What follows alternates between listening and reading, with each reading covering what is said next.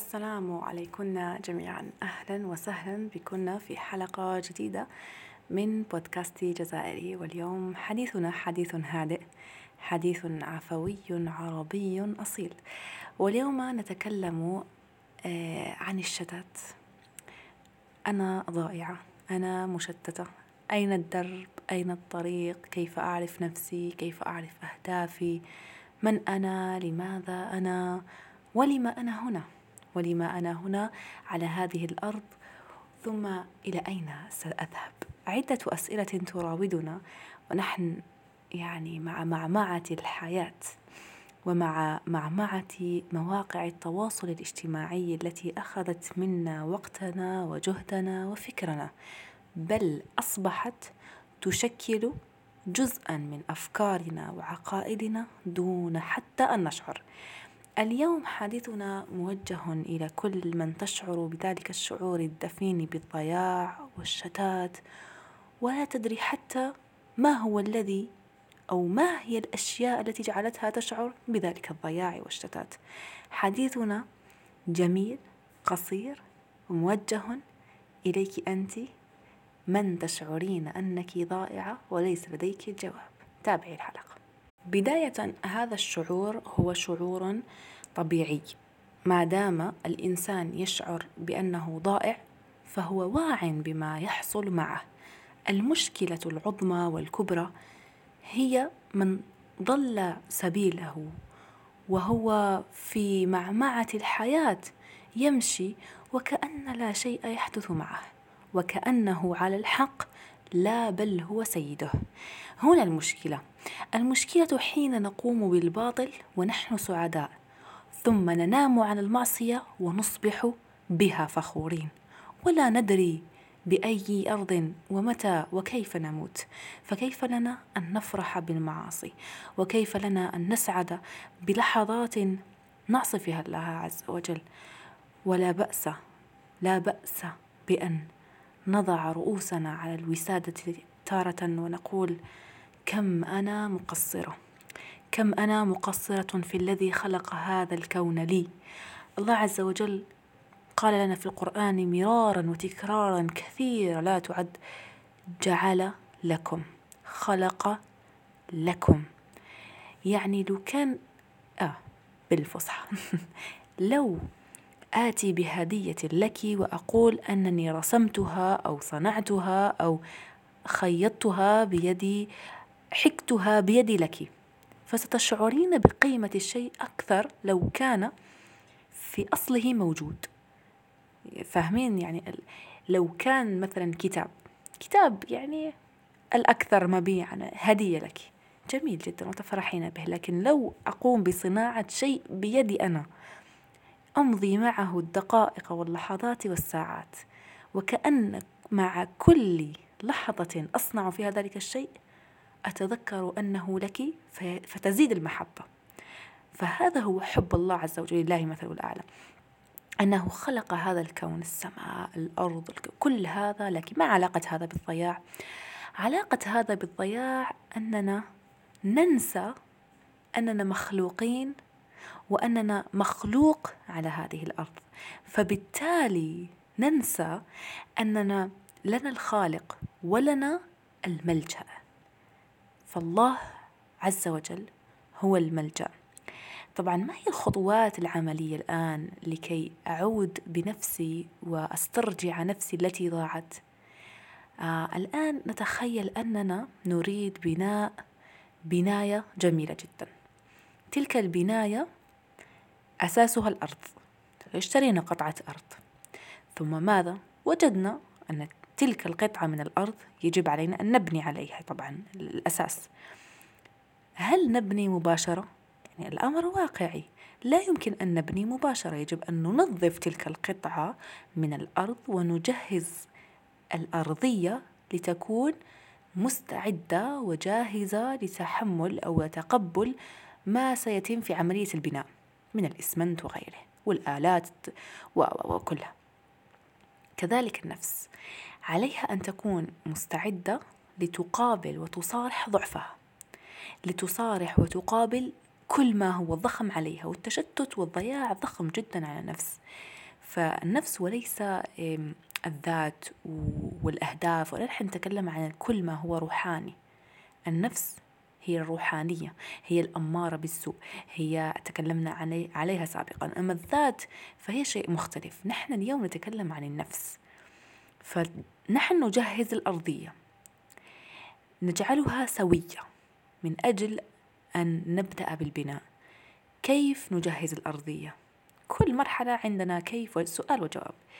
نجهز الأرضية عن طريق التوقف عن الممارسات اليومية الروتينية القاتلة لنا. ما هي؟ منها مواقع التواصل الاجتماعي منها المحادثات والمكالمات الفارغة. التي ليس لديها أي أصل. كل ما هو ضمن أنا أقوم بهذا من أجل يعني ضياع وقتي أتوقف عنه.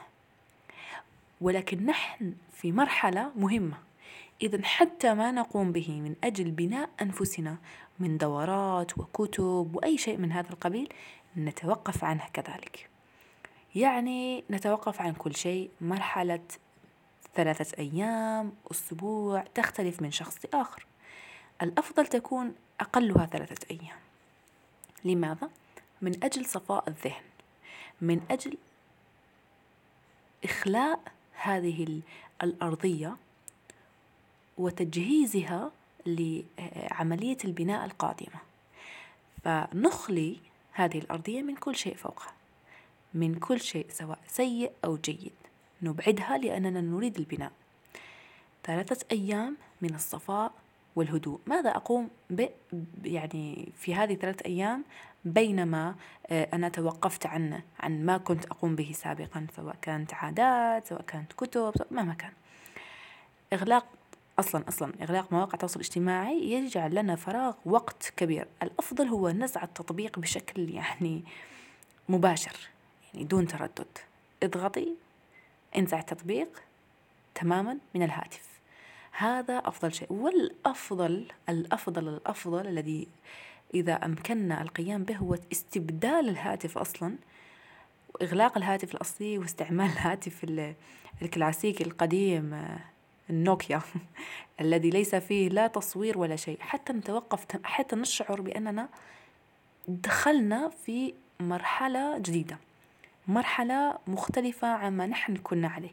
قد ما قد ما وصلنا هذا الشعور للنفس كان أريح وأفضل لها. طيب الآن آه، الحمد لله فرغنا النفس وكذا وفرغنا الساحة وسنبدأ بالدخول في آه، مرحلة من الهدوء مرحلة من من من التنظيم والترتيب. الآن نبحث عن كراسة وقلم ومكان هادئ في البيت. إن أمكن في في الطبيعة في مكان آه، هو الأقرب إلى إلى أنفسنا أفضل. طبعا يكون مكان هادئ آه، كل ما كان المكان أهدأ والوقت أهدأ كلما الذهن استطاع الصفاء أكثر. هذا هو السر. أوقات قبل الفجر بعد الفجر ربما بعد الظهيرة. كل بيت وكل شخص يعرف يعني الوقت المناسب له. ربما مكتبة ربما متنزه عائلي في الأيام الفارغة حيث يكون فارغ. مكان في الطبيعة عشوائي مع العائلة. نختار وقت ونعتزل لمدة عشر دقائق كافية وسأقول ما سنقوم به. نحن بحاجة إلى طرح السؤال الأول. وهو من أنا؟ هنا نحن بحاجة إلى تخطيط. طيب التخطيط هو ليس التنظيم والترتيب. التخطيط هو الشيء الأكبر هو فوق التنظيم والترتيب. هو أن أعرف لماذا أنا هنا أصلا. السؤال عميق والجواب بقدر صراحته وبساطته في القرآن الكريم إلا أن كل واحد منا لديه جواب مختلف. طيب كيف هو الجواب؟ يعني الجواب الصريح في القرآن إنما خلقت الجن والإنس ليعبدون. فعبادة الله عز وجل هذه عميقة. وذكرنا سابقا العبادة ليست قائمة على صلاة فقط. نعم يجب أن تكون هناك صلاة. يجب أن يكون هناك يجب كلها فرض حجاب فرائض. آه كذا مستحب كذا. لكن هناك أشياء نقوم بها نعبد بها الله عز وجل ونتقرب عن طريقها إليه عز وجل وهي تمثل دورنا في الحياة. لنكون خليفة في الأرض. لذلك الله عز وجل جعل كل واحد منا للآخر مسخر. فالله عز وجل سخر للمريض الطبيب. والطبيب قبل أن يصبح طبيب سخر له أستاذ طبيب. وأستاذ الطبيب سخر له أستاذ آخر طبيب وكذا. وذلك الطبيب عندما يحتاج إلى ربما علاج قضية معينة فيحتاج إلى محامي. رغم مستواه مهما كان مستواه يحتاج إلى آخر. كلنا بحاجة إلى الآخر. وهذا هو السر يعني في في حياة البشر أننا غير كاملين وإنما نتكامل مع بعضنا البعض. عن طريق علاقاتنا الصغيرة ثم علاقاتنا الكبيرة. بداية من الأسرة الأب والأم حاجة الطفل للأم ثم حاجته للأب ثم حاجته للأخ حاجته للجدة والعمة ثم وهي تكبر الدائرة إلى أن تصل إلى حاجة الطفل للمحيط والمجتمع والإنسان وابن بيئته. وهذا هو الإنسان اجتماعي بطبعه. هكذا خلقنا الله عز وجل. فنحن نصنع هذا الوقت من أجل أن نطرح هذا السؤال العميق جدا هو لماذا أنا أصلا موجود على كوكب الأرض؟ لماذا أنا؟ ما النفع مني؟ هنا نبحث عن مسارات طويلة وأسئلة طويلة المدى. هنا دع القلم دعيه يكتب ما يشاء. بالأسلوب الذي يشاء وباللهجة واللغة والطريقة التي يشاء سواء نقاطا أو فقرات صفحات كلمات مهما كان حتى لو رسمات. المهم هو أني أفرغ وأفكر بعمق لماذا أنا هنا؟ هل هناك رسالة أريد أن أوصلها؟ هل هناك شيء يحركني في داخلي؟ السؤال الذي بعده هو لماذا أنا ضائع؟ ربما السؤال عميق الذين اللواتي يعني لا يستطعن أن يجبن على هذا السؤال جاوبي على السؤال هو ليس لماذا أنا ضائع السؤال أكثر دقة هو ما الذي جعلني أشعر بالضياع. ما الذي جعلني أشعر بالضياع؟ هذا السؤال الثاني يعني. الذي جعلني أشعر بالضياع هل هو مواقع التواصل الاجتماعي؟ هل هي تلك المؤثرة وأنا أتابع حياتها يوميا؟ هل هو تلك العادة السيئة التي أنا أمارسها؟ هل هم الصحبة السيئة؟ هل هي كتاب قرأته فظلل فكري؟ والأمر عنده يعني أبعاد كبيرة قراءة الكتب التي لا تنفع أو قراءة روايات أو كذا ومشاهدة مسلسلات ومداومة عليها وكل هذا عنده أثر مدخلات. فما هي المدخلات؟ ما الذي يدخل إلى عقلي؟ نقاط أو رسوم أو كذا أسلوبك أنت حرة. ومن هنا نبدأ بطرح الأسئلة وإجابة والإجابة عليها بأسلوبنا. الآن الأسئلة الأولى عامة. مثل ما قلت من أنا؟ ما هو سبب وجودي؟ ما هو النفع مني؟ ما هي رسالتي؟ ما الذي يضيع وقتي؟ ما الذي يأخذ مني؟ آه، لماذا أشعر بالضياع؟ لماذا أشعر بالتشتت؟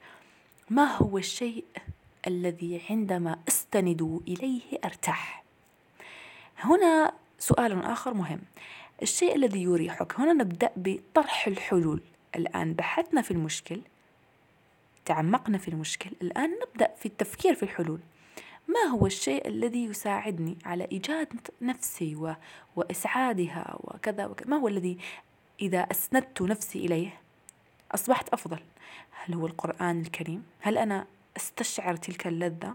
هل أنا أستشعر لذة الصلاة؟ قيام الليل صوم آه، ربما رياضة ربما رياضة وشيء آخر يعني قد يكون أمر دنيوي وديني ربما دنيوي فقط ديني فقط ولا ضرر؟ في كل الأمور لكن هناك عنصر يجب أن يكون هو القرآن الكريم لأنه فيه شفاء. هذا ليس فيها يعني أي شك.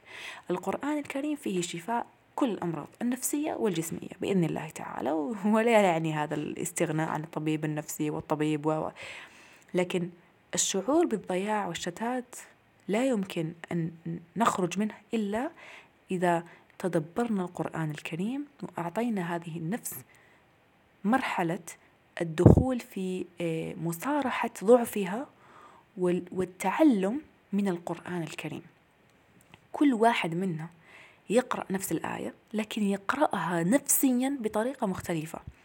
يمكن أن تؤثر الآية اليوم فيك بشكل وغدا بشكل آخر. يمكن نفس القصة قصة أصحاب الكهف أو يوسف عليه السلام. اليوم تؤثر فيك كذا غدا تؤثر فيك كذا.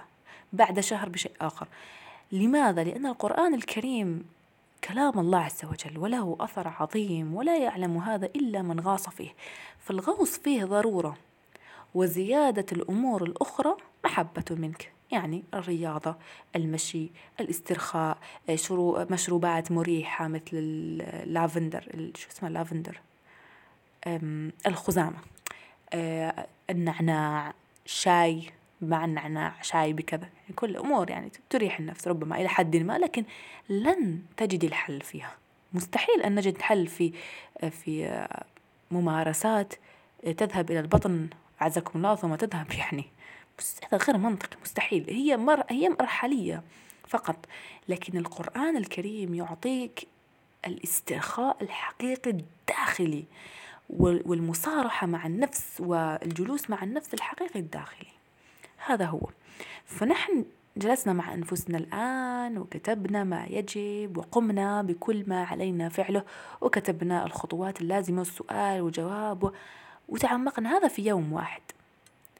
أم في ثلاثة أيام ماذا؟ لا يعني حسب ما تريدين. يمكن أن يكون الموضوع يأخذ منك وقت لأنك صعبة المصارحة أو لم تستطيعي أن تقومي بخطوة الكتابة كونها جديدة عليك. استعملي الهاتف كبديل ولا أنصح جدا بهذا لكن إن استصعبتها لكن آه، بالكتابة أفضل. الكتابة أفضل بالنسبة للنفس وبالنسبة لكل يعني شيء فيك الهاتف مضر. يعني في مرحلة الصفاء لكن أحيانا يعني يستصعب الواحد فعلا أن يجاهد نفسه لدرجة أنها غير متعود على الكتابة فتكتب. لكني أعرف أن أغلبية من تتابعني هم من النوعية التي تعودنا على القلم والسيارة والكتابة والتخطيط والتنظيم والترتيب وغيرها. الآن كتبنا وخططنا. الآن ما هي العمليات العم لا الخطوات العملية؟ حاولت أقول لكم العمليات الخطوية. الخطوات العملية من أجل بناء الآن النفس وإعادة ترتيبها بعدما كانت ضائعة. نحن اشترينا الأرض ونظفناها. الآن هل التنظيف هذا كان حقيقي؟ لا يجب أن يكون حقيقي. يعني الآن نضع خطوات عملية ليكون هناك تنظيف حقيقي عميق للأرضية التي سنبني عليها. نبحث عن مشكل كما فعلنا سابقا. نبحث عن الحل. إذا مثلا كان المشكل هو مواقع التواصل الاجتماعي نضع الحدود. إذا كان هناك تطبيق يمكن التخلي عنه أو وجب التخلي عنه مثل تيك توك وجب التخلي عنه لأنه فعلا غير مفيد. أنا لا أرى فيه أي فائدة. وكل من ينشر فيه مقاطع جيدة نفسها تنشر يعني على اليوتيوب وعلى فيسبوك وعلى فإذا نحن نقع في هذا الشبهة يعني الأفضل لا للتيك توك. ثم يأتي إنستغرام. إنستغرام يحتاج إلى حدود. حدود في التعامل مع الصور حدود في التعامل مع الحسابات حدود في التعامل مع الناس حدود يعني بشكل عام. نضع تلك الحدود آه، منها أن يعني آه، ننزع المتابعة أو نلغي عفوا ننزع يا فصحى. نلغي متابعة الحسابات التي ليس لدينا آه، منها فائدة نعصرها منها. فالسلام السلام منهم. نلقيها في سلة السلام. فنلغي المتابعة. آه، نتابع من يفيدنا وينفعنا مثلي أنا مثلا. إن شاء الله إن شاء الله أكون منهم. يعني تابعوا الحسابات المفيدة. ثالثا آه، مثلا إذا كان هناك علاقات غير شرعية أو ربما مجرد حوارات مثل ما يعتبرها البعض البعض يسميها أنا فقط أحاوره لا تحاوريه. وقومي ببلوك جميل لكل الشباب الذين تعتقدين أنها مجرد رسائل وهي مداخل من مداخل الشيطان. ما تهدريش معه؟ بالجزائرية. أحسن. بلوكيه هذا بالنسبة لي وضع الحدود. أنا شخصيا عندي رأي في الفيسبوك فيسبوك تطبيق آه، جيد يعني مثل كل التطبيقات لكن وجوده مع وجود إنستغرام يعني لا أرى له فائدة فأنا شخصيا كان عندي فيسبوك ورأيت أنه يضيع وقتي فقمت بإلغاء وجوده من هاتفي.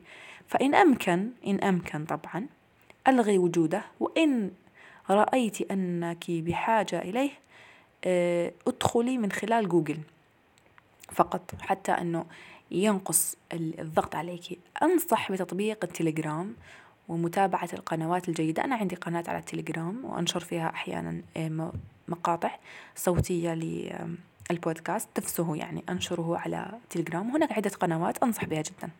هناك عدة تطبيقات أخرى مضرة وربما قد تكون مفيدة للبعض القليل لكن الأغلب الأغلب لا يستفيد منها مثل سناب شات وما لا أدري تطبيقات التي قد تضر أكثر ما تنفع فنلغي وجودها في حياتنا.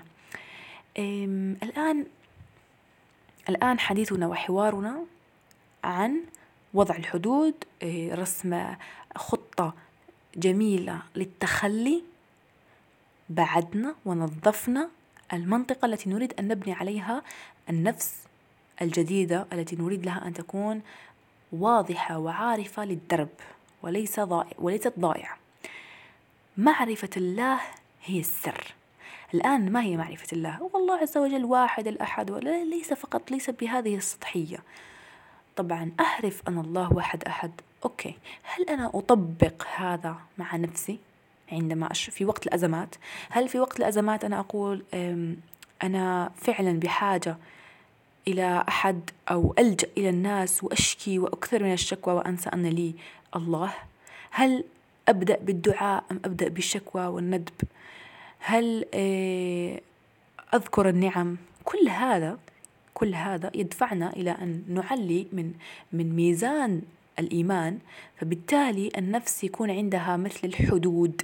يعني أنت تركبين القارب وتعرفين أن هناك أمواج من الشهوات ومطبات من من الفتن والمشاكل التي تحدث في المجتمع تحدث على على المستوى العائلي والأسري والاجتماعي والدولي وحتى العالم كله. كل هذا سنواجهه ولا زلنا نواجه. كل هذا لا يمكن أن يكون إلا إذا كان في القارب هذا نفسه قائد وقبطان هو الإيمان. إذا كان القبطان قبطان السفينة حياتك هو الإيمان هنا التقدم سيكون أفضل لأنه أول موجة تلتقين بها ستتجهين إلى القبطان هو الإيمان واستعمالك للإيمان أفضل مئات المرات من استعمالك للخوف والمشاعر السيئة والتوقعات السيئة وسقف التوقعات. يصعد إلى الأسوأ و و كل هذا يحصل عندما يكون الإيمان منخفض. قد ما رفعنا مستوى الإيمان قد ما ابتعد قد ما هل هي عربية فصحى. أطرح هذا السؤال على نفسي. جاوبوني.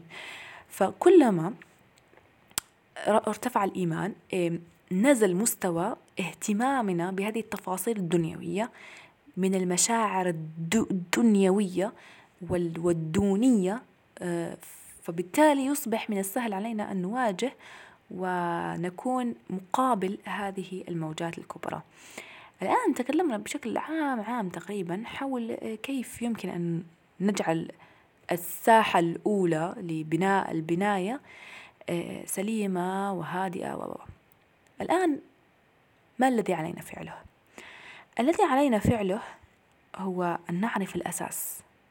الأساس هو أني دائما أمشي بإخلاص لله عز وجل. الحاجة التي تشعرني بأني سوف أعصي الله أبتعد عليها عنها. وكل ما يقربني إلى الله أتقرب. المحيط هو السر.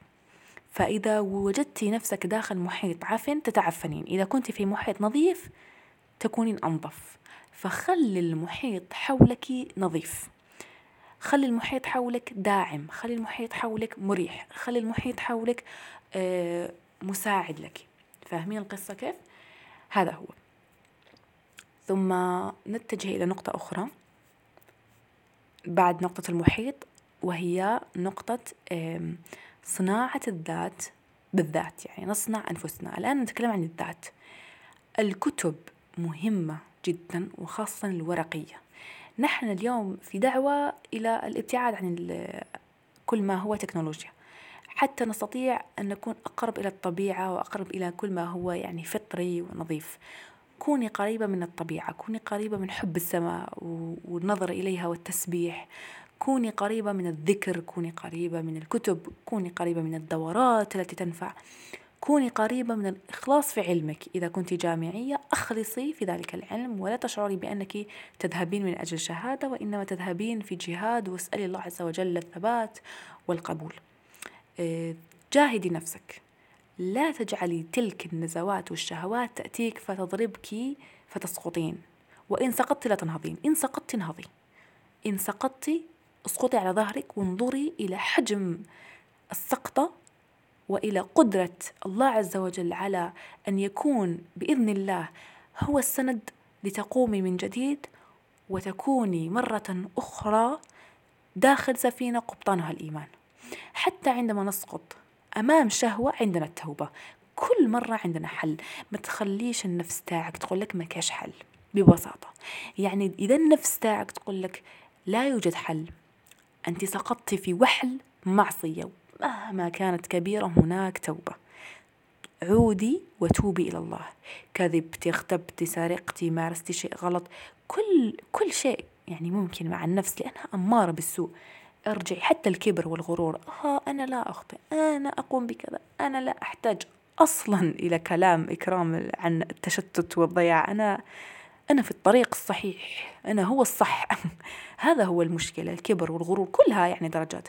مهما كانت درجتك فأنت تستطيعين أن تعودي من جديد كتابة وترتيب وكل ما حكينا عنه من أجل التوبة ومن أجل العودة وترتيب ذلك الضياع ومسحه وإبعاده من أجل انطلاقة جديدة.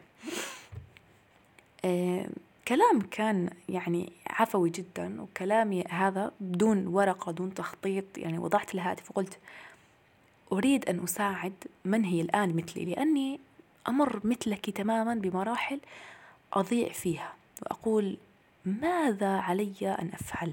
وهل ما أفعل صحيح؟ ربما فيه خطأ ربما أنا لا أقوم بالشيء الصحيح. ثم تأتي موجة غرور ثم يأتي المدح الكثير. نحن مجتمع قائم على آه، التأثر وهذا شيء جميل لكن المدح الكثير يعني مثل الثقب في الصخرة. يثقب الصخرة يثقبها حتى يعني تتفتت. فنحاول أن لا نمدح أنفسنا ولا نمدح غيرنا بمبالغات كبيرة. جيد ما تفعل وانتهى. بارك الله فيك جزاك الله خير. وانتهى. مجرد ما نبدأ في تقديس الأشخاص نبدأ ننسى أننا أشخاص مثلهم. ونستطيع أن نكون أحسن منهم وليس في الدنيا بل في الآخرة. وهذا هو الميزان. الميزان ليس دنيوي. الدنيا سهل أن تكوني أفضل مني وأفضل من أي واحدة في العالم. شكلا خاصة يعني مع التطور التكنولوجي شكلا وعقلا وفكرا ومالا حتى. يعني أي واحدة يمكن أنها أن تسعى تجتهد تعمل تتعب تسقط تنهض تصبح أفضل من أخرى. سهلة جدا. في الدنيا في الآخرة العلم لله.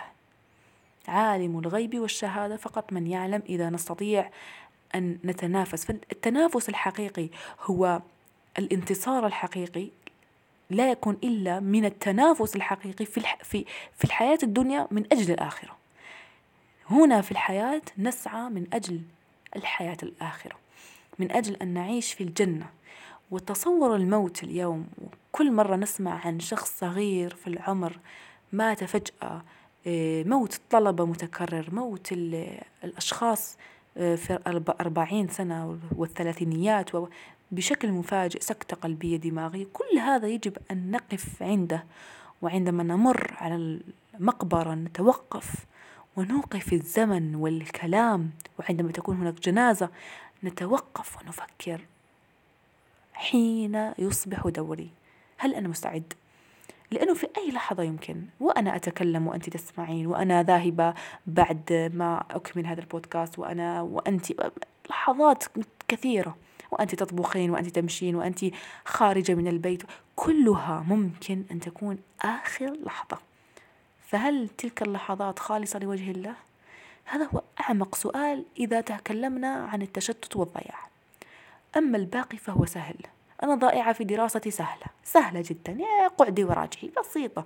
ضائعة في صحتي توقفي عن أكل السكريات نانا بسيطة. ضائعة في علاقتي مع زوجي اجلسي معه ورقة وقلم واعتذري منه يعتذر منك ونعيد نخطط في علاقتنا. بسيط أنا أراها بسيطة تعرفون؟ لكن كل ما هو متعلق بالغيب متعلق بأننا لا نعرف أصلا إذا نحن مخلصين. وضوء صحيح صلاة صحيحة خشوع دعاء إطالة الصلاة صلي الظهر ساعة إن شئت. هل تستطيعين بعد تلك الصلاة أن تقولي إيه أنا أخلصت؟ مستحيل. الإخلاص هو ذلك الشعور العميق الذي لا يعرفه إلا الله عز وجل. مستحيل أن يدركه البشر لأننا لو أدركناه لا. لما كنا أصلا بشر فالله عز وجل فقط من يدرك وهذا هو سر السعي أننا نسعى لنكون مخلصين لله لتكون لنا حياة أفضل من هذه الحياة في الآخرة ونكون في الجنة. فبدايات الترميم للنفس لا يحتاج كلام واحد زائد واحد كما يعتقد الكثير وإنما يحتاج إلى أن نرى عمق ما في ذواتنا وما هو في ذاتي وما هو في ذاتك مختلف. وما أمر به وما تمرين به مختلف. لذلك نتوقف عن كل شيء ونرى ما نحن نمر به. وهل هذا هو ما يجب أن يكون؟ ثم السؤال المهم هل يرضي الله عز وجل؟ كان هذا إيه، البودكاست الخفيف والصراحة صراحة من من قلب ما أشعر به وليس من قلب ما خططت له. أتمنى أن يكون قد نال إعجابك. شكرا على حسن المتابعة. ونلتقي في حلقة أخرى مع بودكاست جزائري آخر. إن أحببتم البودكاست باللغة العربية أخبروني ولكن كملوا في بودكاست جزائري. والسلام عليكم.